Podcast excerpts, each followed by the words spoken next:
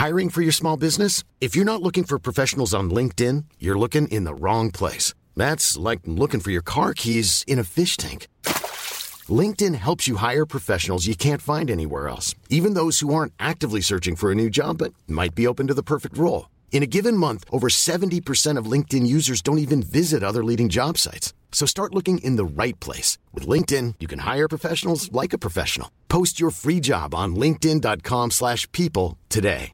Ready to pop the question? The jewelers at BlueNile.com have got sparkle down to a science with beautiful lab-grown diamonds worthy of your most brilliant moments. Their lab-grown diamonds are independently graded and guaranteed identical to natural diamonds, and they're ready to ship to your door. Go to BlueNile.com and use promo code LISTEN to get $50 off your purchase of $500 or more. That's code LISTEN at BlueNile.com for $50 off. BlueNile.com code LISTEN.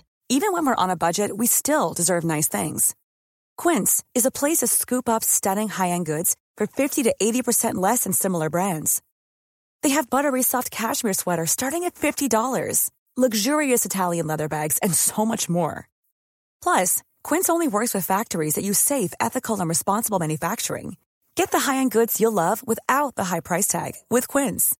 Go to quince.com/style for free shipping and 365-day returns.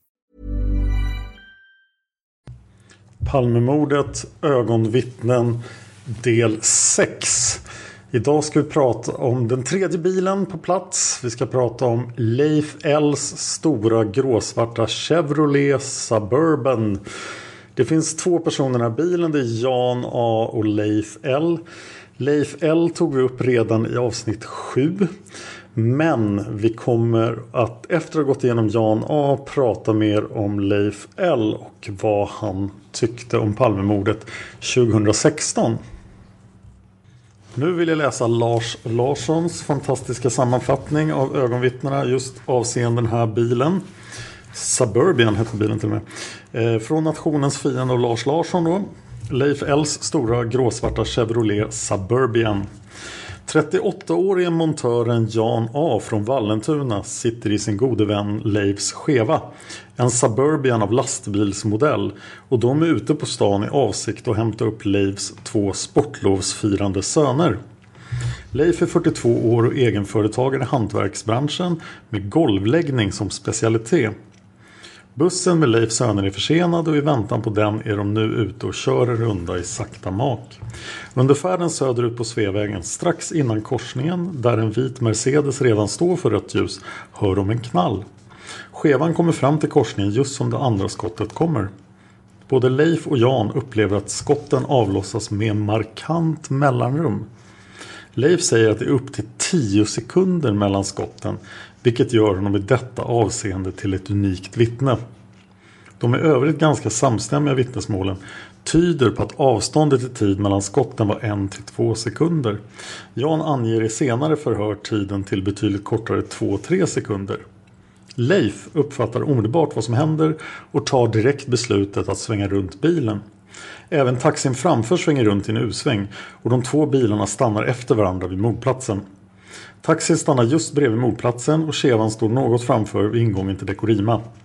Mördaren står stilla en liten stund, 3-4 sekunder och betraktar iskallt kvinnan och mordoffret innan han lugnt lunkar in i gränden. Samtidigt som Leif svänger runt med Chevan tar han upp sin mobiltelefon. Leif är hantverkare och det är vid denna tid inte helt ovanligt att just hantverkare har en telefon installerad i bilen. Det är alltså en biltelefon och inte en mobiltelefon kan man säga. Men det kallades för mobiltelefon då vilket är förvirrande när man läser förhören. Han slår numret till larmcentralen 90 000 men kommer på att man måste slå riktnummer. Så han lägger på och ringer upp på nytt. I andra änden svarar telefonisten Sonja T på larmcentralen nästan omedelbart. Och det här hör man väldigt tydligt på LAC-bandet. Sonja säger 90 000. Leif säger ja, det är mord på Sveavägen. Sonja säger prata med polisen. Sonja Ter kopplar samtalet vidare till polisen och lägger sig i medhörningsläge. Polisen svarar dock inte och till sist efter att Leif från en förbipasserande har hört att taxin just bakom Leifs Cheva det var Hans J som vi pratade om i förra ögonvittnesavsnittet redan har larmat polis så lägger han på. Under tiden hinner de studera den flyende gärningsmannen. Han har en knälång, mörk, fladdrig rock med antingen en kapuschong, uppfälld krage eller långt hår eller så har han helt enkelt något på huvudet. Mannen är 180-190 cm lång. Mer smal än korpulent. Mannen springer fort med långa spänstiga steg. Leif beskriver mördarens skor som lågskor. Leif är en av mycket få personer som ser mördarens ansikte eller i vilket fall delar av det. Leif ser ansiktet mycket flyktigt men bedömer att det är något långsmalt och med en grovt markerad näsa. Jan och Leif ser när Stefan G och Anna H med sitt sällskap kommer fram till den liggande mannen. Ganska snart därefter kommer Lars-Åke S, ett annat vittne som parkerat just framför Chevan, fram och pratar med Leif och Jan. Efter en stund går Leif fram till Lisbeth och försöker prata med henne. Snälla damen, varför sköt han? frågar Leif. Han får inget svar. Strax efter polisen anlänt ser Leif en ambulans köra norrut ute på Sveavägen. Han springer ut på gatan och viftar och busvisslar och får stopp på den. Ambulansmännen hoppar ut och börjar arbeta med den liggande mannen. De sätter bland annat in syrgas. Ganska snart efter ambulansens ankomst lastas Olof Palme in i bilen vilken sakta börjar rulla. Lisbeth är nu närmast hysterisk och vill följa med. Leif får upp sidodörren vilket får till följd att ambulansen stannar så att Lisbeth kan komma med.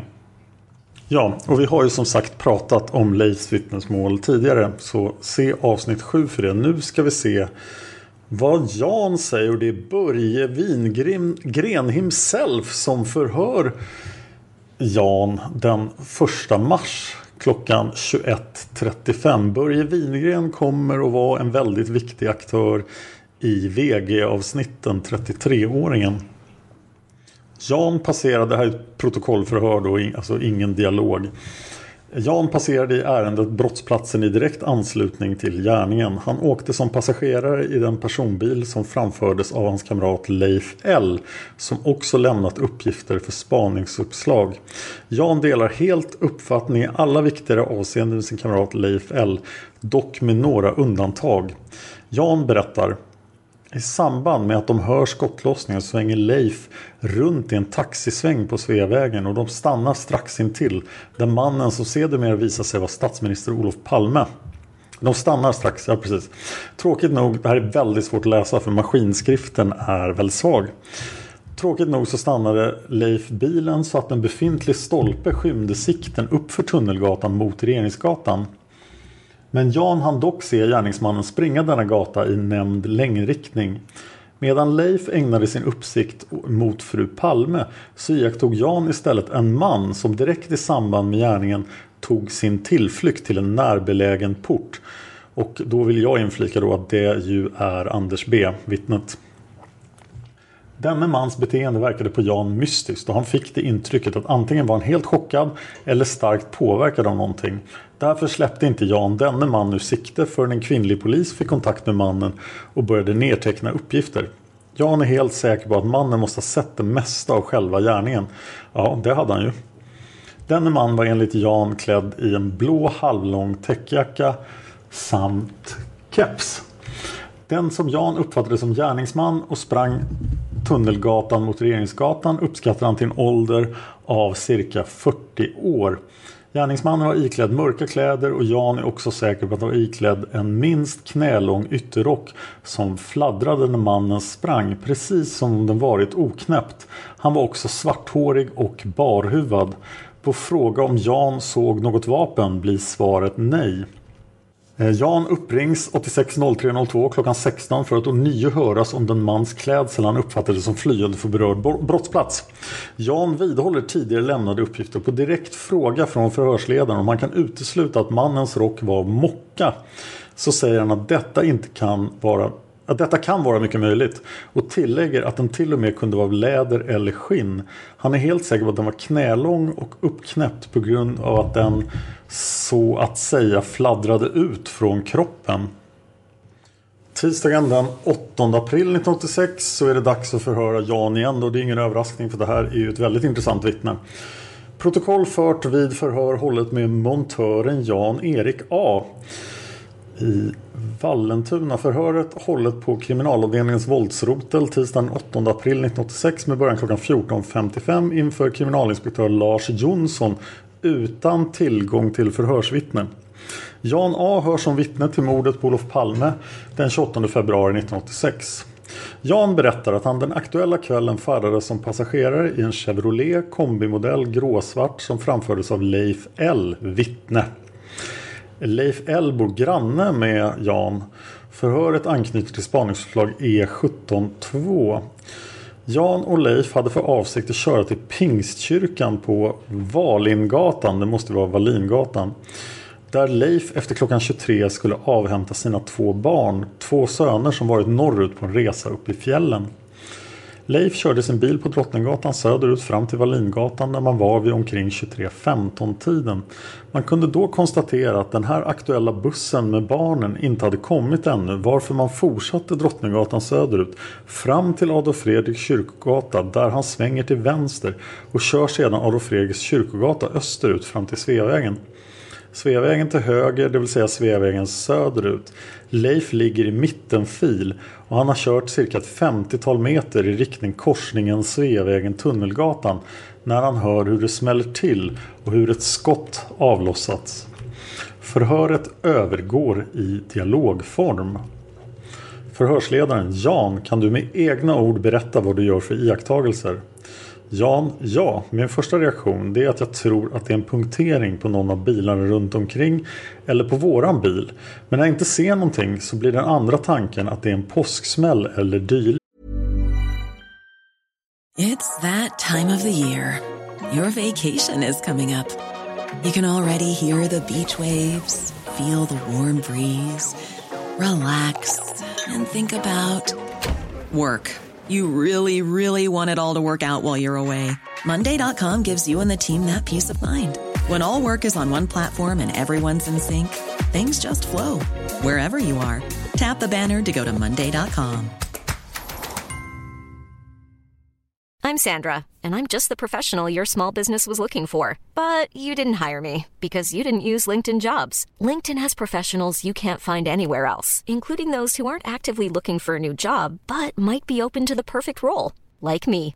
In a given month, over 70% of LinkedIn users don't visit other leading job sites. So if you're not looking on LinkedIn, you'll miss out on great candidates like Sandra. Start hiring professionals like a professional. Post your free job on linkedin.com/people today.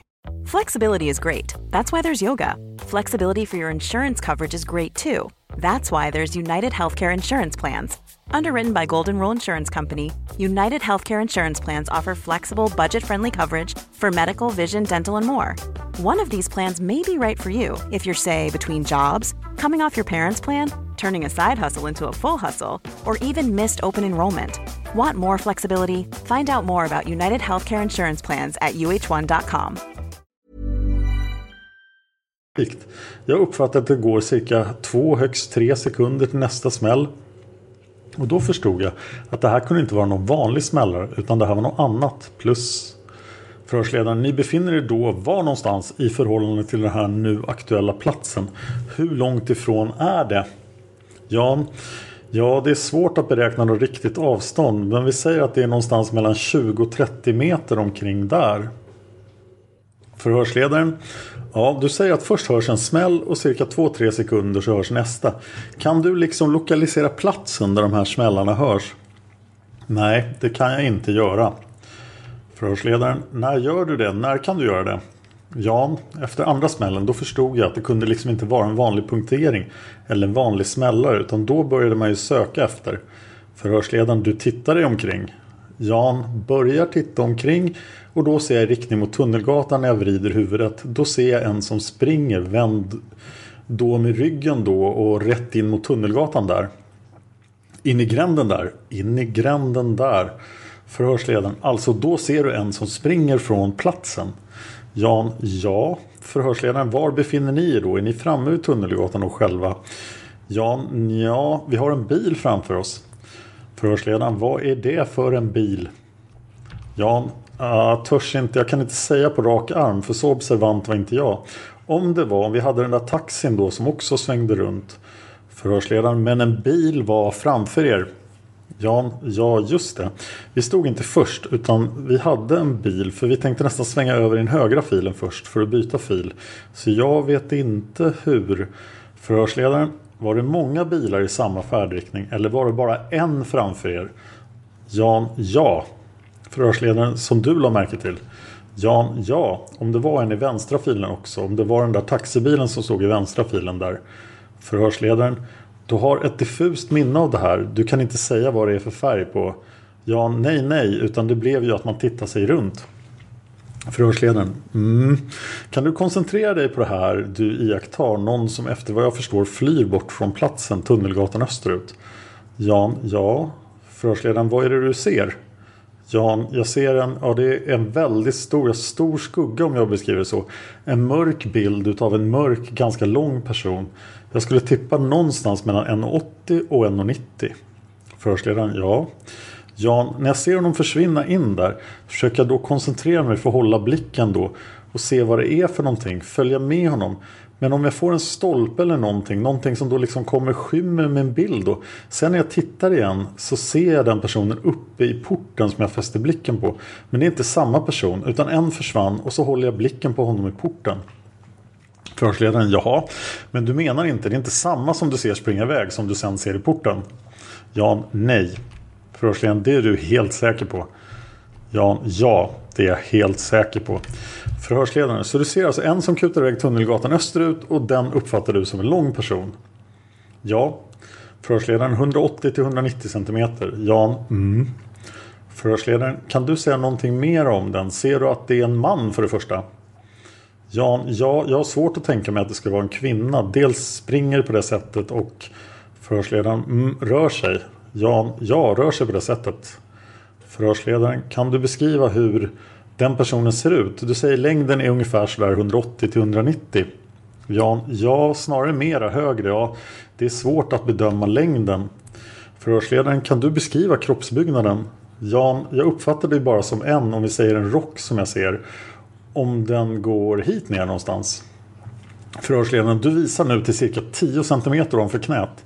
Jan, ja, där omkring. Förhörsledaren, en rock som är så lång. Jan, ja, som då fladdrar till. Förhörsledaren, fladdrar? Ja, så den är öppen alltså?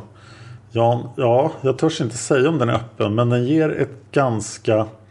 Förhörsledaren, den är lös och fladdrig så här. Jan, ja just det. Förhörsledaren, vad är det för rock? Jan, jag ser inte sådana detaljer. Jag hinner aldrig se sådana detaljer. Vad det är för typ av rock? Förhörsledaren, nej. Ser du vad det är för färg på den? Ja, nej. Jag har bara en mörk bild utav Förhörsledaren. Den är mörk alltså. Jan, ja, hela han är, är, hela alltihopa utav honom är väldigt mörkt. Förhörsledaren, ja, ser du? Du ser honom efter jag förstår då bakifrån ryggen. Jan, ja, han är på språng. Förhörsledaren, ja, du ser alltså att han har en mörk rock som du uppfattar var ungefär går ner på benet cirka 10 cm ovanför knät. Ser du bakhuvudet eller huvudet på honom också? Jan, ja. Det är där jag har en bild ungefär som att, som att han var långhårig eller om det är någonting annat. Det liksom är format i den här formen. Men om det är hår eller någonting annat törs jag inte säga. Förhörsledaren, du gör en pyramid. Jan, pyramid, ja. Förhörsledaren, pyramidformad rörelse mot ditt eget huvud ner mot axelpartiet eller axlarna. Jan, ja. Förhörsledaren, kan det vara någon huvudbonad eller någonting sånt? Jan, kan vara. Det kan vara en långhårig person alltså, men jag uppfattar det inte som ett rent huvud som man ser en kortklippt så här. Förhörsledaren, nej, kan vara någonting som har haft huvudet. Eller uppdraget bak. Jan, ja. Förhörsledaren, kan det ha varit en kapuschong? Jan, kan det ha varit? Förhörsledaren, kan det ha varit en krage? Jan, ja, konstig krage. Förhörsledaren, nej, men en kapuschong möjligtvis. Jan, ja, möjligtvis. Förhörsledaren, ja, det är en bild som du har bara att du ser någonting som har formen av en pyramid bak till i huvudet och kring nackregionen. Jan, mm. Förhörsledaren, uppfattar du håret eller hårfärg? Ja, nej, han är väldigt mörk för mig alltså. Om vi nu ska fortsätta så ser jag den här personen som är där i porten. Honom ser jag i ljuset att han har en blå täckjacka. Så honom var det ju väldigt lätt att känna igen kläderna på. Men här då som jag ser kanske två, tre, högst tre steg. Och sen är han borta. Förhörsledaren, sen är han borta ja. Uppfattade vad han har för byxor den här som flyr. Jan, ja där tror jag att han hade smala byxor. Därför, det var inget fladder just jag såg och uppfattade den här rocken. Som, men just benen tyckte jag var så, ja. Förhörsledaren, färg? Ja, ja det är mörkt. Förhörsledaren, allting är mörkt. Såg du om han hade någonting i händerna? Ja, nej, det kan jag inte. Det kan inte jag säga. Förhörsledaren, såg du ansiktet eller någon del av ansiktet? Ja, nej, jag såg inte det. Förhörsledaren, det gjorde du inte. Men iakttog du? Sen iakttog du den här mannen Eh, sprang in i porten och den fäste du blicken på. Jan, ja, för att förhörsledaren, vad hade han? Såg du var han kom ifrån? Ja, nej, jag såg honom bara där uppe i porten. Och att han verkade väldigt förvirrad. För jag fäste då blicken på honom. För att jag tänkte om han nu, om han har märkt någonting eller uppfattat någonting. Då behöll jag blicken på honom så att han inte skulle försvinna. Förhörsledaren, ja. Och han hade en blå täckjacka. Jan, han hade en blå täckjacka. Förhörsledaren, kan du beskriva honom i övrigt? Jan, ja det borde jag kunna göra för eh, han kom ju fram och pratade med oss vid, vid bilen. Förhörsledaren, jaha du pratade med honom efteråt? Jan, ja. Förhörsledaren, okej okay, men han var en förvirrad människa som råkade befinna sig där. Jan, ja. Förhörsledaren, han är inte identisk med den som, ja nej nej. För han var mycket kortare än den som stod i porten jämfört med den som jag Förhörsledaren, den uppfattningen fick du. Att den som sprang från platsen, han var längre. Jan, han var längre. Förhörsledaren, mycket längre eller? Jan, ja. Förhörsledaren, det kanske är svårt att säga. Jan, ja, det är svårt att säga. Förhörsledaren, men du uppfattar honom som längre? Jan, ja. Oh ja, det var han. Förhörsledaren, vad ska vi säga om kroppsbyggnaden? Sa vi någonting om det på den här som sprang från platsen? Jan, jag tror inte jag kan påstå att han liksom var korpulent utan snarare att han var smal. Förhörsledaren, det är svårt att säga kanske med hänsyn till att han har Jan, ja, med rocken. Men om jag ser på benen, formen på benen. Förhörsledaren, du får ett intryck att han inte är speciellt korpulent. Det är osäkert alltså. Jan, ja. Förhörsledaren, såg du någon ljus del på honom, på hans kropp? Jan, nej, inte som jag kan säga. Förhörsledaren som framträdde så att säga, eller lyste till. Jan, nej, det kan jag inte göra. Förhörsledaren, du uppfattade tydligen hans sätt att springa även om det var väldigt kort ögonblick. Vad kan du säga om det, hans sätt att springa? Jan, ja det gick fort. Förhörsledaren, såg du hans kroppsställning, hans hållning när han springer? Jan, det var spänstigt, långa steg. Förhörsledaren, ja. Jan, det var inte mer än två, tre steg. Ja, de var typ långa. Förhörsledaren, ja, ser du att han har något skjutvapen? Ja, nej, det kan jag inte göra, för det var för kort tid. Förhörsledaren vet hur han håller händerna när han springer därifrån. Om han håller dem vid sidan eller? Ja, nej, det är mera utåt så här någonting. Förhörsledaren, jaha. Finns det något speciellt med den personen som du liksom la på minnet? Jan, nej, ja, möjligtvis det här om det är ett hår som jag ser. Förhörsledaren, jaha, du menar det här pyramidformade? Jan, ja. Eh, förhörsledaren, vad gör du sedan? Jan, ja. Efter då allt det här händer blir det ganska förvirrat och vi började diskutera då vad det kunde varit. Vi förstod ju att det var en skottlossning helt enkelt. Förhörsledaren, ni sitter, du sitter kvar i bilen. Jan, vi sitter kvar i bilen och eh, förhörsledaren, vad ser du nästa moment så att säga? Jan, jag håller ögonen på honom uppe i porten hela tiden. Förhörsledaren, hela tiden. Jan, ja, jag flyttade liksom aldrig blicken någon mer senare utan jag höll kvar den. För jag tänkte att det här är någonting, det är något konstigt i alla fall. Jag håller ögonen kvar där plus att jag ser då Lisbeth Palme där då. Förhörsledaren, fick du intryck av att den här förvirrade i porten på något sätt hade haft samröre med den som avvek från platsen? Ja, nej, jag tror att han var mer, det såg ut som att han var mer rädd och liksom tog skydd när jag fäste blicken på honom med detsamma. Ungefär som han tog skydd och försökte Förhörsledaren han hade själv blivit överraskad. Jan, ja. Förhörsledaren han uppträdde som sådan. Jan, ja. Och han sökte skydd i porten. Ja. Stod och tittade ut åt både höger och vänster så här. Förhörsledaren ut efter Sveavägen, båda sidorna. Jan, ja. Förhörsledaren typ att han var rädd. Jan, ja. Han var väldigt förvirrad. Förhörsledaren, ja. Vad ser du i nästa moment? Du ser alltså den här personen som verkar förvirrad och har tagit skydd. Ja, ja, så ser jag då Lisbeth. Och ja, jag ser en kvinna om jag säger så. En väldigt kort kvinna. Förhörsledaren, finns det någon annan människa i närheten där? Jan, det är där som alltihop spricker för mig för jag håller hela tiden ögonen på den här mannen i porten. Så jag tittar inte så mycket varken då uppåt utan det blir att jag fäster blicken.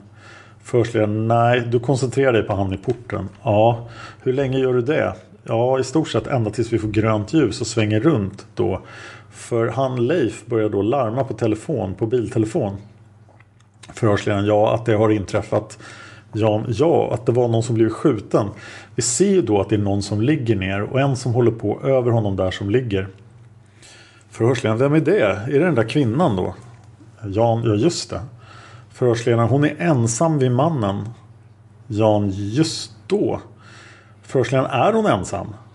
Jan, ja. Sen kommer då bilen vartefter så innan vi har kommit runt helt och hållet så har det redan kommit fram en taxibil där. Förhörsledaren, ja just det. Leif han svänger runt och till vänster. Jan, ja en U-sväng då.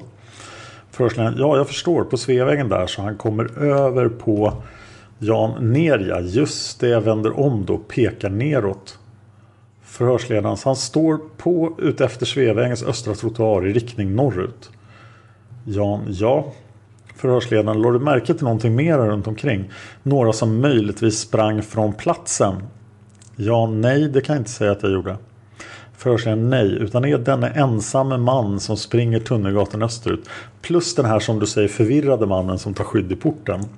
Jan, ja.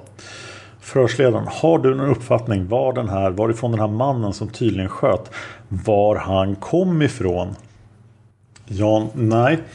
För i och med att vi liksom inte hade, vi hade för det första inte blicken åt det hållet då. Efter första skottet då började jag titta bakåt.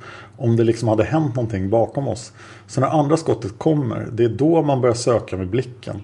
Om jag tittade på Leif efter första och andra kommer då, tittar och sedan då när jag fortsätter. Jag har Leif då till vänster och fortsätter. Och då ser jag att det är någonting. Förhörsledaren, det är alltså bara en hörselregistrering som du gör. Ja, Förhörsledaren, ser du också någonting i samband med skottet? Nej. Typ eldkast eller rök eller nej. Att någon kula rikoscherar eller någonting sånt? Nej. Ingenting sånt, nej. Alltså ni företer er en U-sväng där och ställer er efter då trottoaren på Sveavägen efter vad jag förstår. Ja. Förhörsledaren, vad gör ni sedan? Jan, ja, Ljungqvist fortsätter ju att larma för att få kontakt då på biltelefonen. Där är porten och där står vi, precis mitt för porten. Förhörsledaren, du visar på en karta här nu. Det är precis utanför den här butiken, färgbutiken Dekorima där. Jan, ja. Förhörsledaren, stiger ni ut ur bilen? Jan, nej, vi sitter kvar för då ser vi att det är redan folk som har kommit fram. Dels taxichauffören som vi pratade med efteråt där. Sen ser vi den här tjejen och killen. Lilla tjejen här också kom ju fram där. Men vi får ingen ordentlig kontakt på 90 000 då för han ringer ju 90 000 Leif. Och vi skulle bli kopplade till polisen men det tog för lång tid. Sen hör vi då, för vi öppnar dörren och vevar ner fönstret på min sida. Vi hör att taxikillen redan larmat polisen och fått kontakt. Och då går vi ut. Jag själv går inte direkt ut utan jag håller fortfarande ett öga på den här killen i porten. Förhörsledaren, hör du några kommentarer då som fälls kring vad som har inträffat? Är det någon som kommenterar den inträffade händelsen som du hör?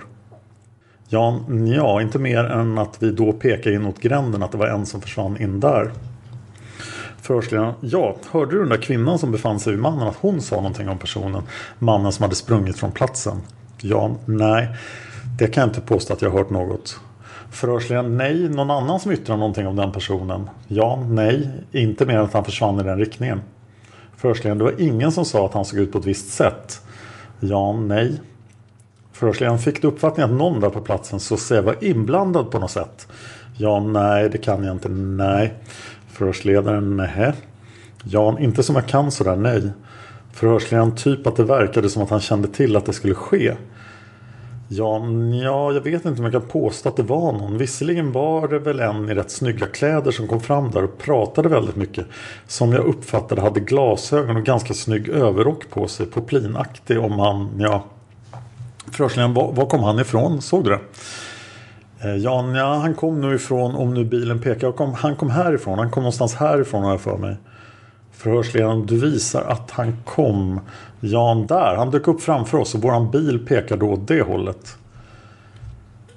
Eh, Förhörsledaren, han kom alltså på Sveavägen och gick på Sveavägens östra trottoar, Sveavägen söderut. Jan, mm. Han kommer fram sedan och börjar prata då vi satt i bilen.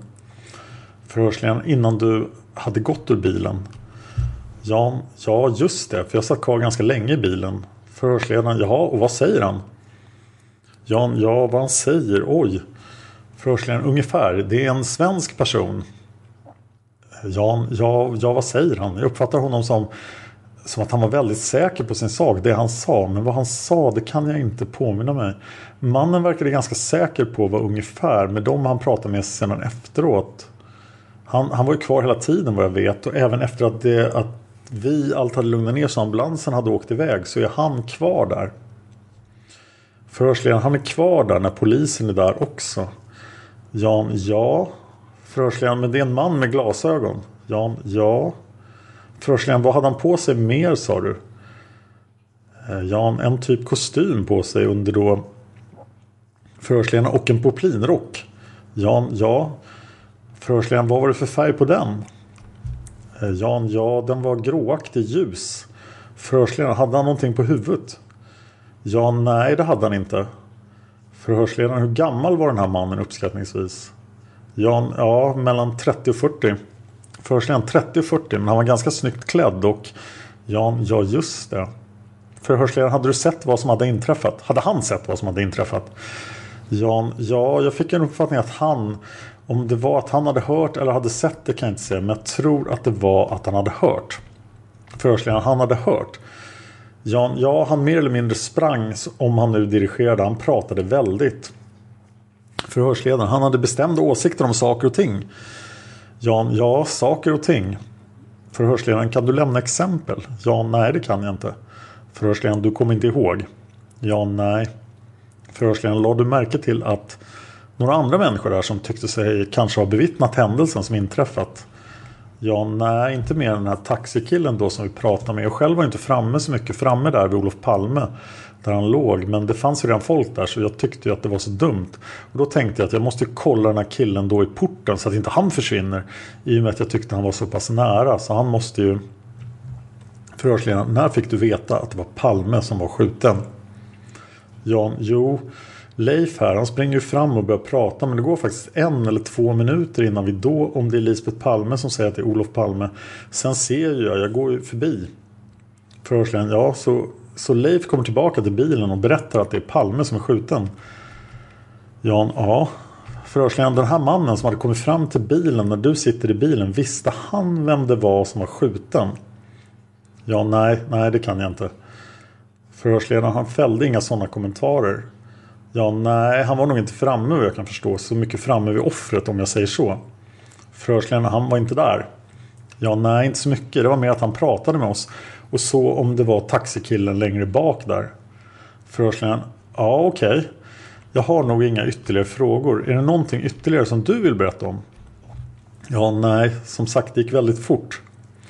Förhörsledaren, gjorde ni efteråt, senare efter händelsen, några iakttagelser av några personer eller någon bil som framfördes eller uppträdde anmärkningsvärt? Ja, nej, inte vad jag kan säga så här. Förhörsledaren, vart åkte ni sen?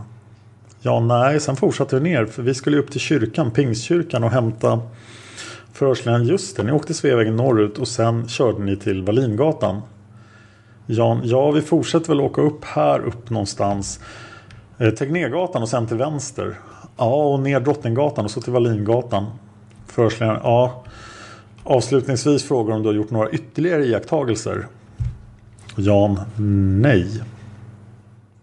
Sen finns det då på IT-demokrati nu där ni kan läsa de flesta förhören med ögonvittnena. Det är några som markant saknas. Så kan ni även se bilderna de finns förmodligen i förundersökningen mot Christer Pettersson också. Det har jag inte kollat men det gör de nog. Det är därifrån de kommer. Eh, och där ser vi en bild som visar precis var bilen stod när, när skotten föll. Det finns bilder på Jan.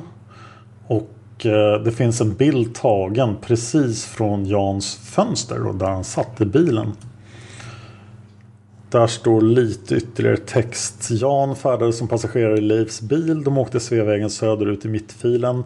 Jan hörde en smäll. Cirka 2-3 sekunder senare kom ytterligare en smäll. De befann sig då cirka 20 meter norr om de norra trafikljusen vid Tunnelgatan. Jan lokaliserade ljudet och såg ryggen på en man som sprang in i gränden, Tunnelgatan österut. En annan person låg ner på trottoaren med en annan böjd över sig. Planning for your next trip? Elevate your travel style with Quince. Quince has all the jet setting essentials you'll want for your next getaway. Like European linen, premium luggage options, buttery soft Italian leather bags and so much more. And it's all priced at 50 to 80% less than similar brands. Plus, Quince only works with factories that use safe and ethical manufacturing practices. Pack your bags with high-quality essentials you'll be wearing for vacations to come with Quince. Go to quince.com slash trip for free shipping and 365-day returns. A lot can happen in the next three years. Like a chatbot may be your new best friend. But what won't change? Needing health insurance. United Healthcare Tri-Term Medical Plans are available for these changing times. Underwritten by Golden Rule Insurance Company, they offer budget-friendly, flexible coverage for people who are in between jobs or missed open enrollment. The plans last nearly three years in some states, with access to a nationwide network of doctors and hospitals. So for whatever tomorrow brings, United Healthcare Tri-Term Medical Plans may be for you. Learn more at uh1.com. Planning for your next trip? Elevate your travel style with Quince. Quince has all the jet-setting essentials you'll want for your next getaway, like European linen, premium luggage options, buttery soft Italian leather bags, and so much more. And is all priced at 50 to 80% less than similar brands. Plus, Quince only works with factories that use safe and ethical manufacturing practices. Pack your bags with high-quality essentials you'll be wearing for vacations to come with Quince. Go to quince.com/pack for free shipping and 365-day returns. Ja, ni har ju hört Leif L i avsnitt 7. Men jag vill ändå prata lite mer om Leif L. Här har jag framför mig en artikel i dt.se. Jag tror att det är Dalarnas tidning för att det kommer från Mittmedia. Eh, det är alltså en intervju från, som gjordes inför 30-årsdagen då. Precis när den här podden började. Och Leif upprepar det han sa i förhöret. Hur han försöker larma och det misslyckas och så vidare. Men avslutningen är intressant här. För Leif L är Palmemordet löst. Christer Pettersson var den skyldige. Jag är helt hundra. Jag fäste vikt vid gärningsmannens kroppsspråk. En avvikande gångstil när han älgade in i gränden. Då frågar reporten några fler detaljer som du såg rörande gärningsmannen. Hans hår var kraftigt svartmörk, mörkblå täckjacka 70-talsmodell. Jag har själv haft en sån tror jag, korta långbyxor. Jag såg hans anklar i kontrast mot den vita snön och han hade lågskor på sig. Den bilden blir jag aldrig fri från. Jag har alltid varit övertygad om vem som mördade Olof Palme. När DT träffar Leif L vid sommarstället i Garsås nämner han den hotbild han haft hängande över sig. Ett tag hade jag överfallslarm. Det var ett pressat läge.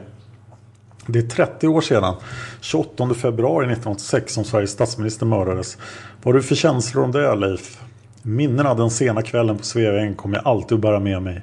Hela känslolivet, det blir storm, det rör runt när jag tänker på allt.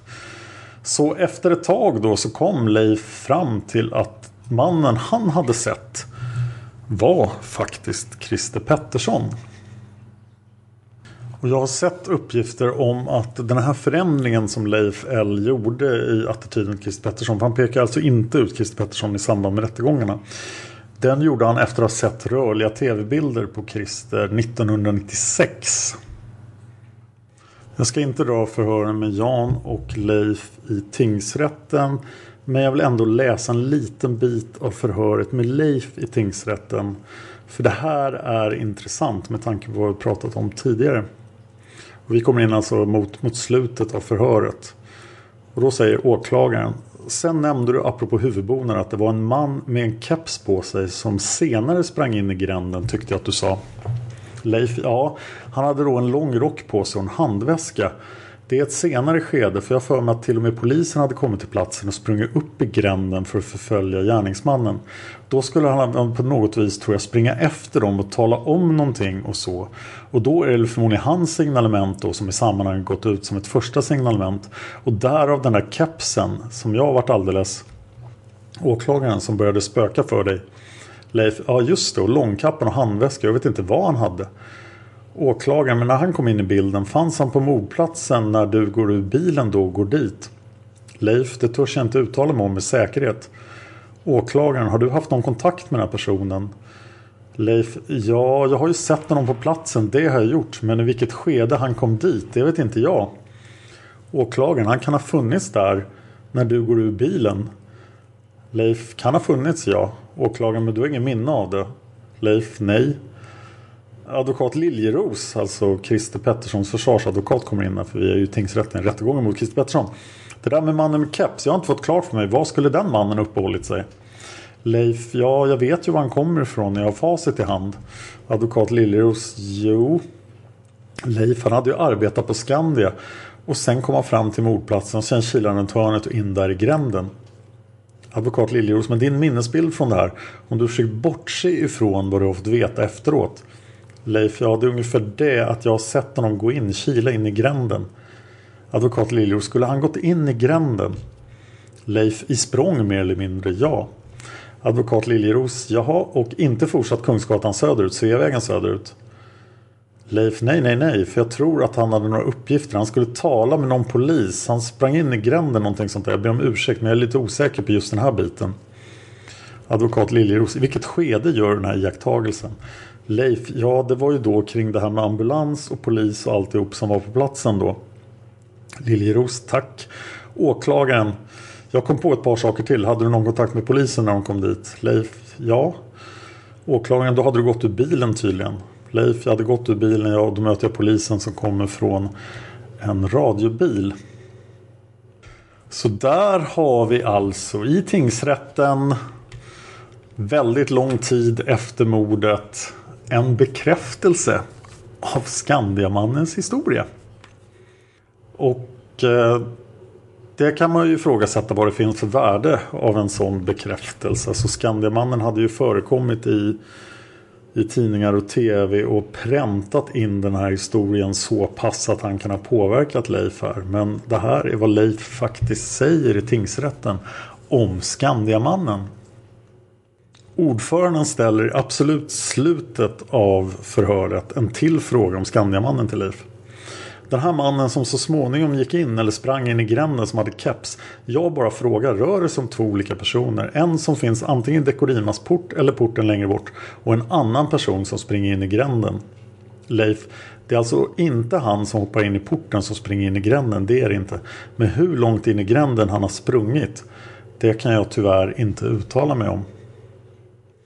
Palmemordet finns på facebook.com palmemordet. Där vill jag hemskt gärna att ni går in och likar och hänger med där. För där pratar vi Palmemordet också. Eh, på senare tid har Erik Engström hjälpt mig där och svarat på mera utredningstekniska frågor då, där han har bättre koll än vad jag har. Och det är jättebra. Palmemordet finns också på Youtube. Där vill jag gärna att ni går och prenumererar på det. Där lägger jag även upp filmer från mordplatsen. Jag vill ha iTunes-recensioner. Gå in på iTunes, recensera. Om ni recenserar Palmemordet på någon Android-app då måste ni säga till mig för jag har ingen möjlighet att bevaka det. Jag ser inte heller om ni gör iTunes-recensioner från något annat land, till exempel Danmark, Norge och Finland där jag vet att vi har lyssnare. Nu har jag faktiskt sparat mitt Patreon-tiggeri till slutet av podden. Så uppmuntra det genom att bli sponsor för podden på patreon.com palmemordet. Det är så den här podden finansieras. Fortfarande inga företagsannonser. Vet ni någon som kan tänkas vara intresserad av att annonsera som företag i den här podden så hör av er till mig också.